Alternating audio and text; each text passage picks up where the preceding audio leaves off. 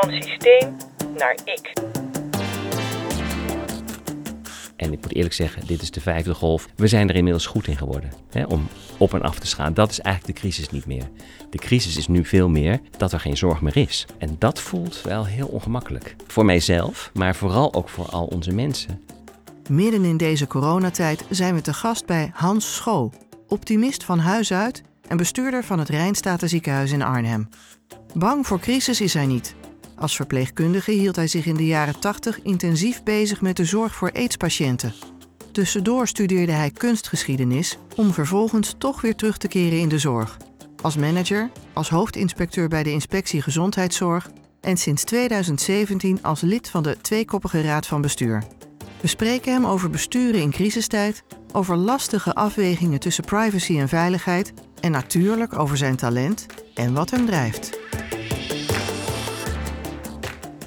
Ik heb al heel vroeg bedacht dat ik eh, zorg heel erg mooi vind. Ik, ik, ik ben een zorgzaam iemand.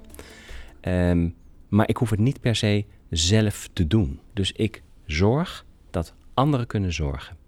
En of dat nou is als inspecteur of als verpleegkundige, maar eh, dan doe je, het wel heel direct. Maar nu als bestuurder uh, probeer ik eigenlijk zodanig de verbinding met de organisatie te houden dat andere mensen ja, dat kunnen doen waar zij goed in zijn. Maar hoe doe je dat met, ik geloof, 5000 mensen werken er voor Rijnstaat. Dus echt de grootste werkgever in deze hele regio. Ja, nou, dat is, uh, niet, uh, dat is voor een deel abstract, hè, want ik, ik ken niet iedereen.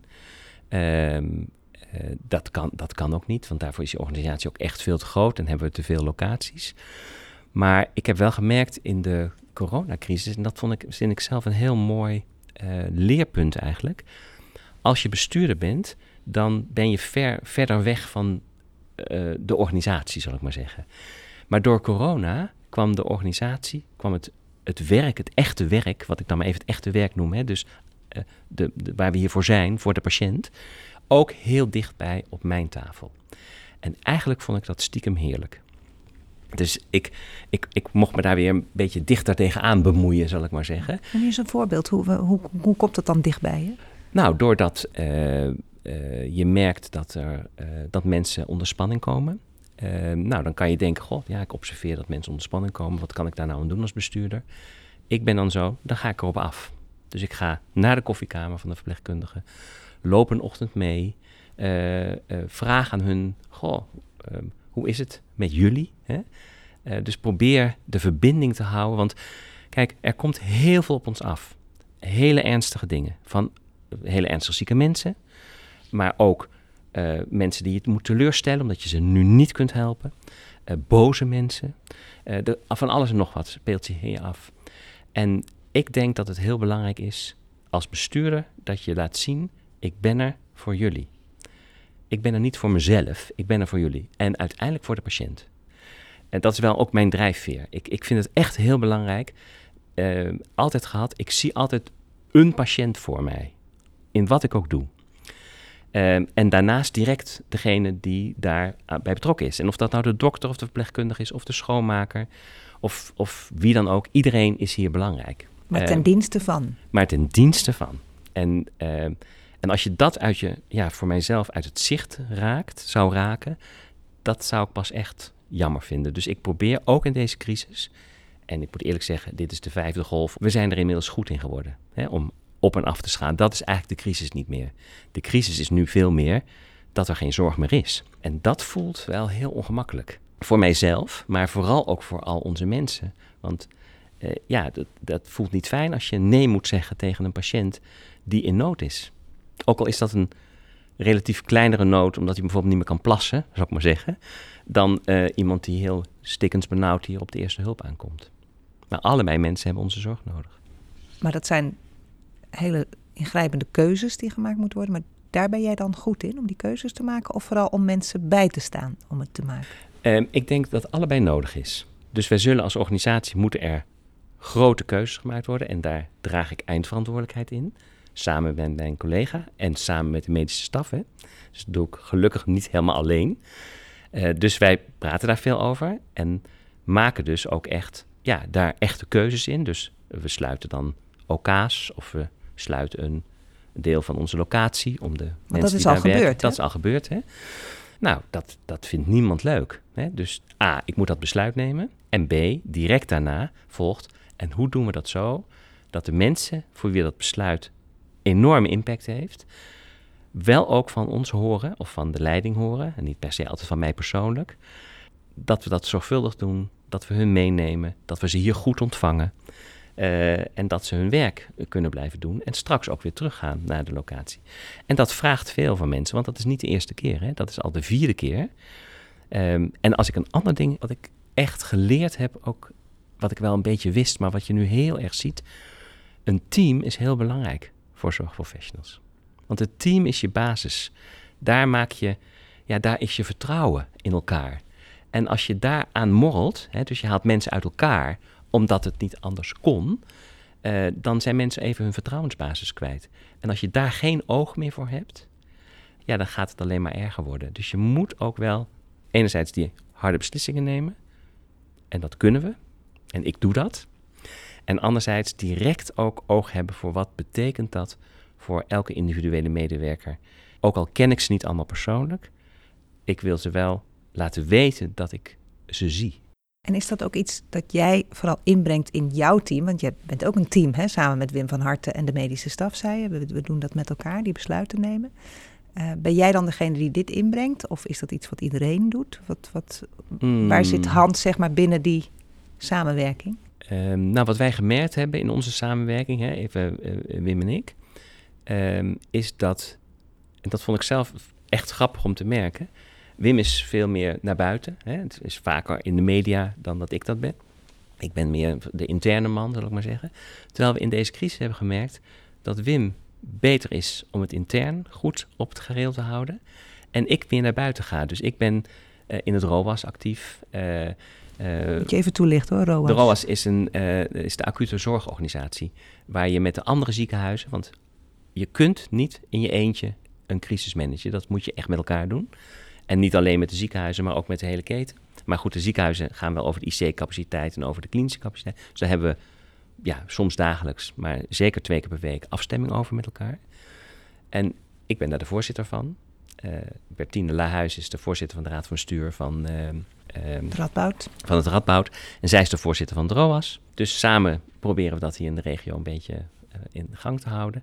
Dus, dat, dus ik breng het perspectief van buiten in, in ons crisisbeleidsteam.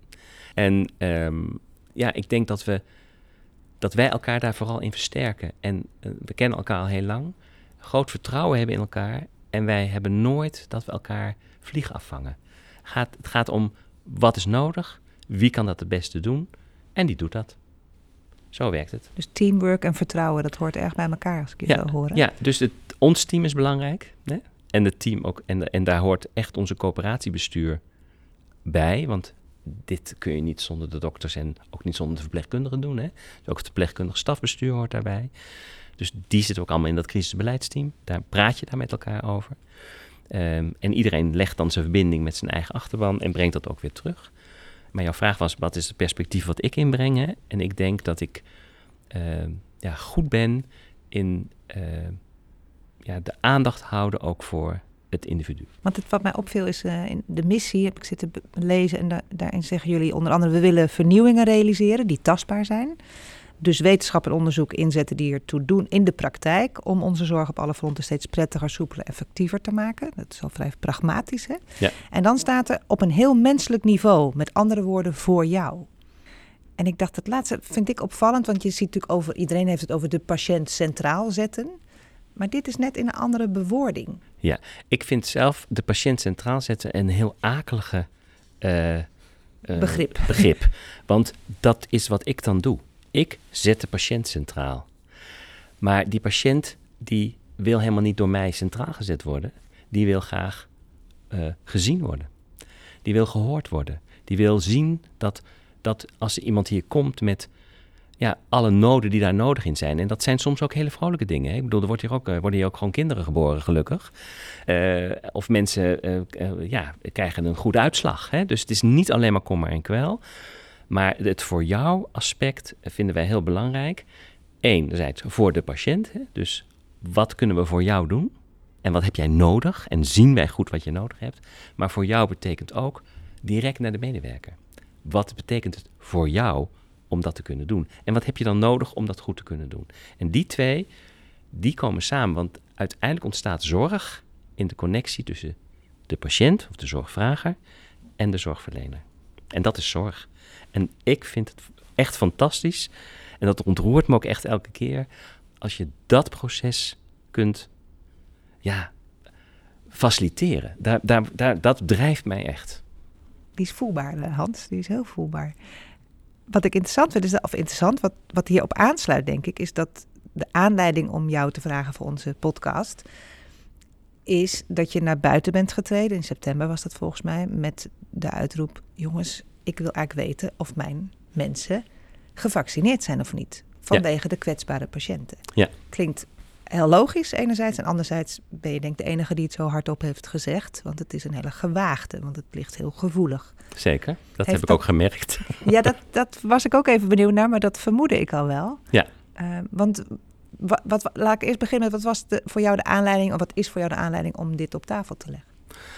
Nou, ehm, kijk, ehm wij hebben in Rijnstaat een ongelooflijk hoge vaccinatiegraad. 95% van onze mensen hebben, die, hebben de coronaprik genomen.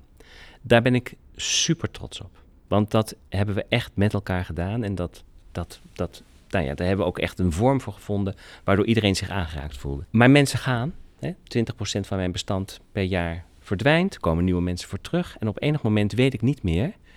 Weet ik, is niet, weet ik niet meer of die 95% nog geldig is. En mijn boodschap was: hoe gaan wij dan zorgen dat we dat met elkaar wel blijven weten? Hè? Want die patiënt, eh, die mogelijk ook wel of niet gevaccineerd is, die komt wel met die zorgvraag. En ik zou het echt akelig vinden als wij mensen gaan besmetten. Want dat is natuurlijk helemaal niet de bedoeling van onze zorg. Waar ik feedback op heb gehad, intern, ik bedoel extern heb ik ook heel veel, hè, mensen willen je wel of niet begrijpen. Eh, nou, dat, Zwa, dat hoort bij mijn baan. Eh, dat, dat kan maak ik jij je niet aan. zo druk Daar maak ik me niet zo druk over. Want ja, ja, mijn opa zei altijd, de volgende dag zit de vis er weer in, hè, in de krant. Dus eh, maak je geen zorgen. Eh, als jij integer bent, dan heb jij je integriteit altijd. Hè? Dus die, die, daar moet je niet zorgen over zijn. Dus daar maak ik me ook geen zorgen over. Maar intern was het, god Hans, we hebben nou, eh, we hebben ons, ons best gedaan. En nou zeg je eigenlijk dat je het ook nog van ons wil weten. Hè? En, dat voelde niet als vertrouwen. dat voelde niet als vertrouwen. En dat vond ik heel erg, want dat vond ik wel feedback die mij raakte.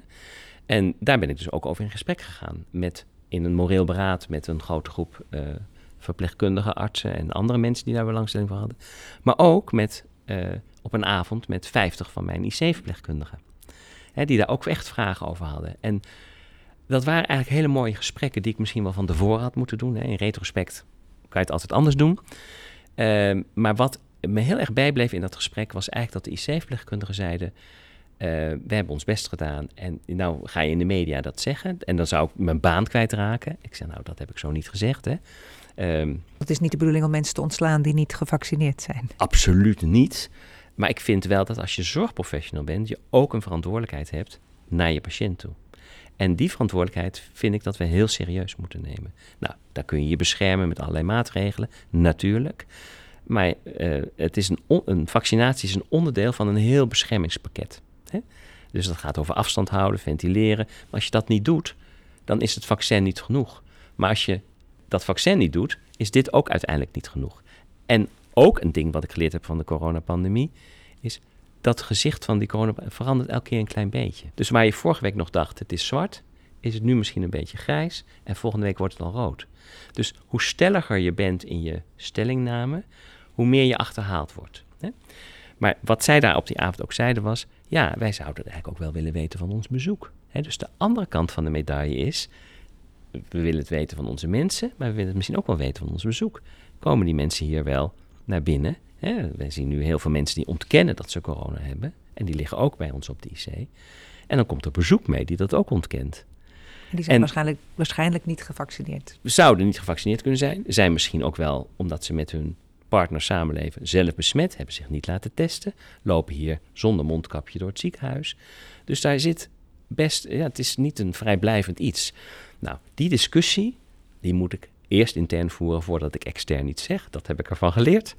Ehm, de andere kant is dat ik ook wel vind dat je je soms zo moet uitspreken, omdat ik echt vind dat ik moet kunnen blijven zorgen dat wij hier ook met elkaar veilig blijven werken. Kosten wat kosten, bijna. Of tenminste, alles ervoor doen, laat ik het zo zeggen. Zoveel mogelijk daarvoor doen. Ja. En ik vind ook echt, de vaccinatiegraad moet zo hoog mogelijk zijn. Want dat is de manier waarop wij uit onze pandemie komen. En ja, dus we hebben nu uiteindelijk afgesproken uit het moreel beraad. Hè? Eh, en dat vind ik echt een mooie afspraak. Wij vragen niet aan mensen of ze gevaccineerd zijn, want dat mag niet. Maar wij zeggen wel in onze uitingen, wij vinden het heel belangrijk dat je gevaccineerd bent. Dat is iets anders. Hè? Dus dat is daar uitgekomen. En dus vragen we dat ook bij de indiensttreding. Of zeggen we eigenlijk, we vinden het belangrijk dat je dat bent. We gaan het je niet vragen. Dat is jouw afweging. Maar wij vinden het belangrijk. En daarmee, nou, dat is een mooi resultaat uiteindelijk van die hele... eh, En geeft het je ook voldoende vertrouwen? Want je weet het nog steeds niet, zou ik maar zeggen. Hè? Als, als, als verantwoordelijk werkgever in dit geval. Nee, nou, ik vind. ehm, kijk, inmiddels verhardt zo'n discussie een beetje. Hè?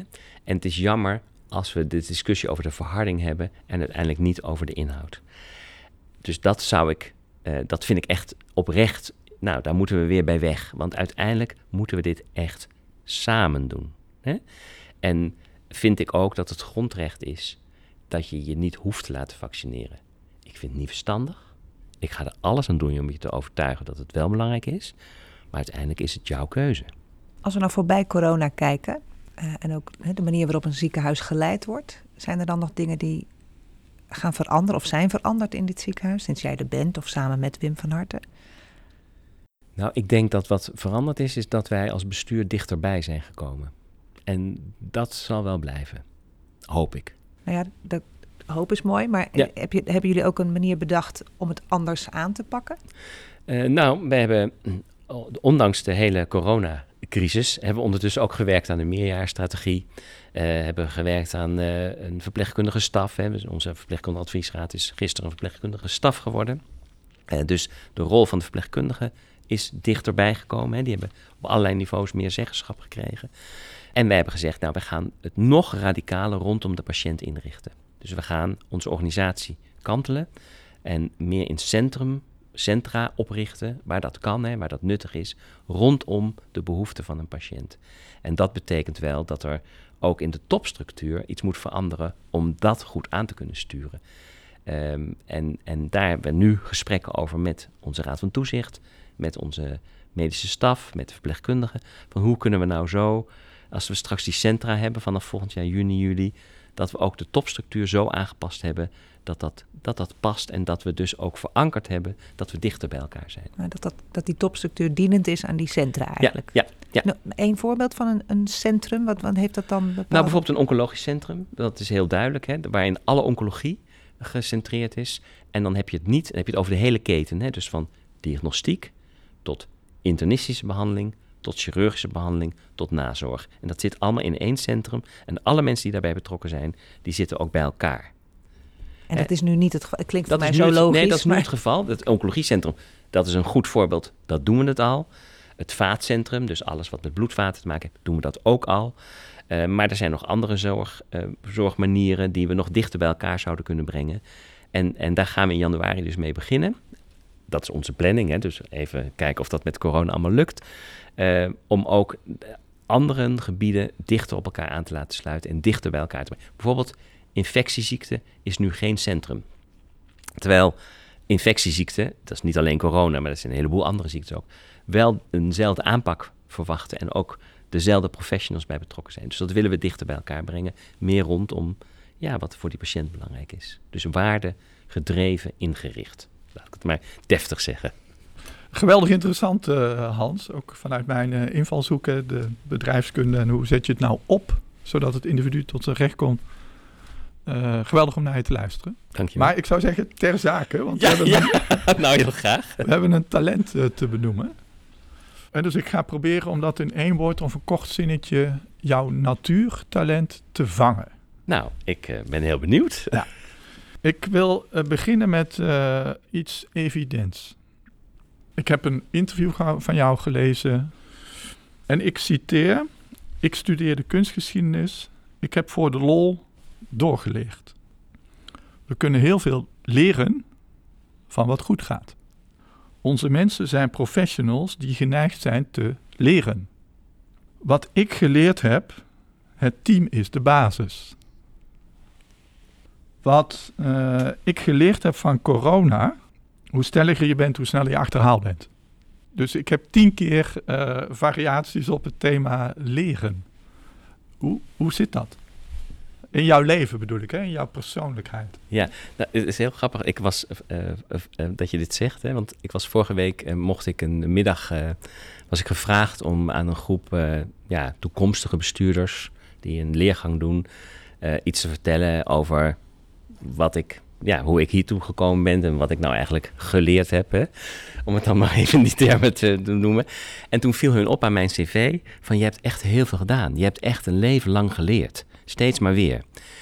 Dat was hun vraag. En, uh, en toen zei ik, nou, ik zeg ja, ja, ik ben nieuwsgierig van aard. Ik vind het leuk om geïnspireerd te blijven. Dat kan ik niet alleen maar doen door uh, achter mijn bureau te besturen.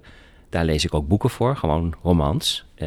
ik ga naar mooie muziek. Ik, bijvoorbeeld op dit moment vind ik het heel fijn om de winterreis van Schubert, Schubert opnieuw weer eens te horen in een andere uitvoering. Want ik denk dat ontspant mij van al het gedoe wat ik hier de hele dag heb. Maar ik hoor ook mijn moeder zeggen: ja, maar waar je aan begint, dat maak je af. En dus ik ben dan heel veel begonnen. Ik heb het ook allemaal afgemaakt. En dat is dus het is ook een soort innerlijke stem van ja, uh, uh, ik ben nieuwsgierig, maar je moet het ook afmaken. Je moet het ook doen en je moet het zelf maken. Hm. Hè? Dus ehm, ik gun ook al mijn mensen om te leren. Of mijn mensen, onze mensen. En kunnen ze dat ook van jou krijgen, Hans? He, dus ik ben in jouw aanwezigheid, hè, dus ja. de, de, verpleegkundige staf bijvoorbeeld. Leren zij?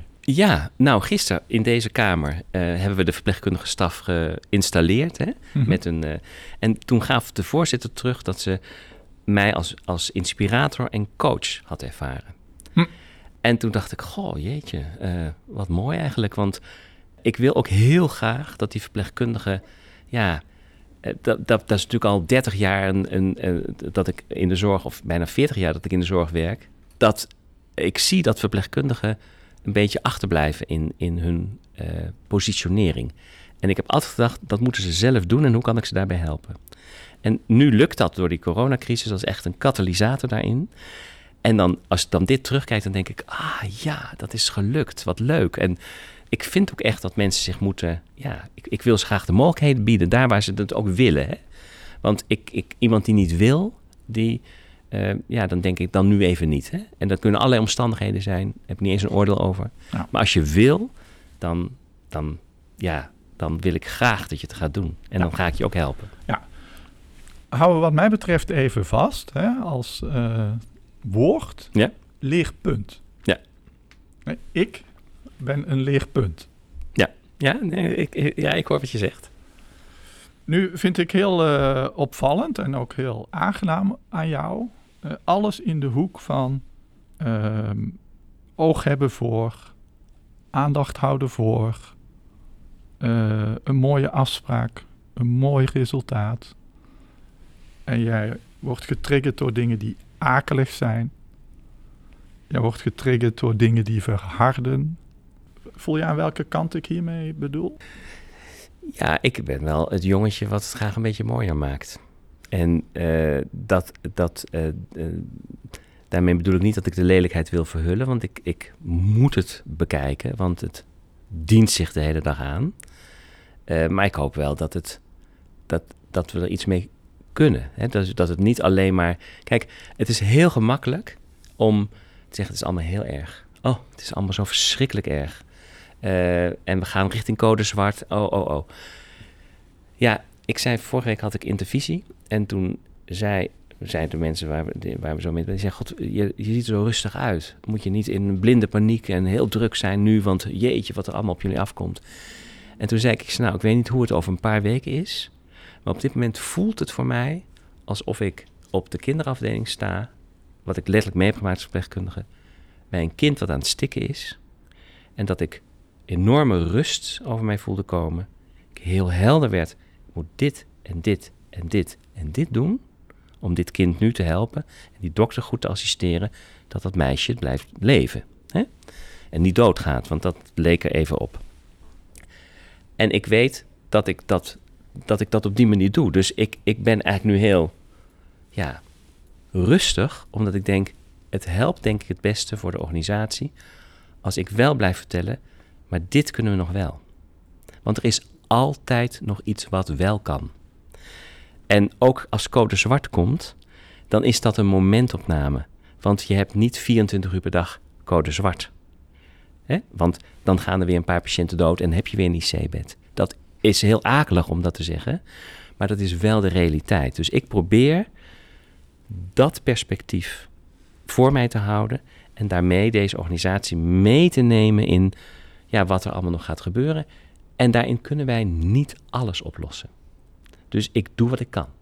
Wat binnen mijn mogelijkheden ligt, wat binnen de mogelijkheden ligt. En misschien is het wel zo, want dat is dat ik over vier weken, als je me weer zou vragen, hier een beetje trillend, natrillend zit en denk wat is er allemaal gebeurd? Want die reactie zal zeker komen, maar op dit moment voel ik me in control, om het maar zo te zeggen. Hm. Hm. Dus het mooiste woord wat ik gehoord heb om deze kant van jou te vangen, hè, is aangehaakt laten voelen. Aangehaakt laten voelen. Ja, het is zo grappig.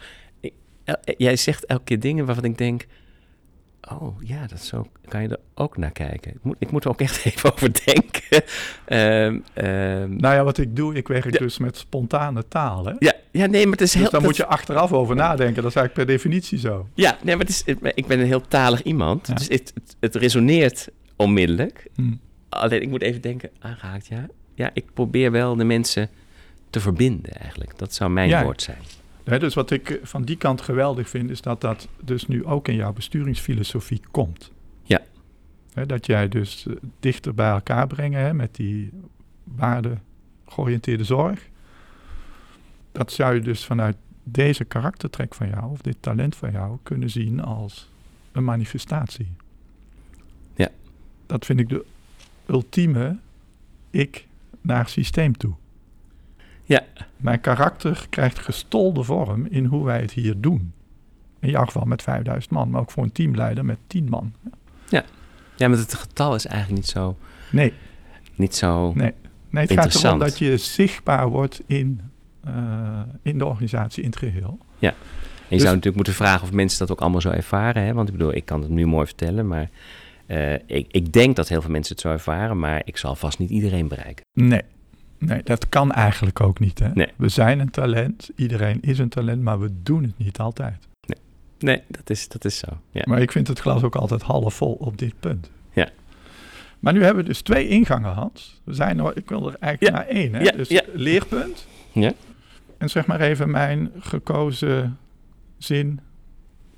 Zorgen dat mensen zich aangehaakt voelen. Ja. Leg ze eens op een weegschaaltje welke is het dichtste bij voor jouzelf? Wat is het meest Hans of hoe werken ze samen? Becommentarieer je eigen karakter is in die zin? Ik zou zelf leren niet onmiddellijk gekozen hebben. Dat hm. vind ik wel iets wat ik doe. En dat, daarin ontwikkel ik me. Maar leren is voor mij een middel om zelf geïnspireerd te blijven en dus mensen uh, aan te raken, mee te nemen in, in uh, ja, wat we hier met elkaar aan het doen zijn. Dus dat is helemaal helder. Het een is instrumenteel aan het ander. Hè? Dus ja. op het niveau van talent in één woord valt dan alles rond leren even af. Ja. Want dat is dienend aan het andere. Ja, en, en aanhaken. Ik denk um, dat mijn talent is uh, dat ik in staat ben om mensen met elkaar te verbinden.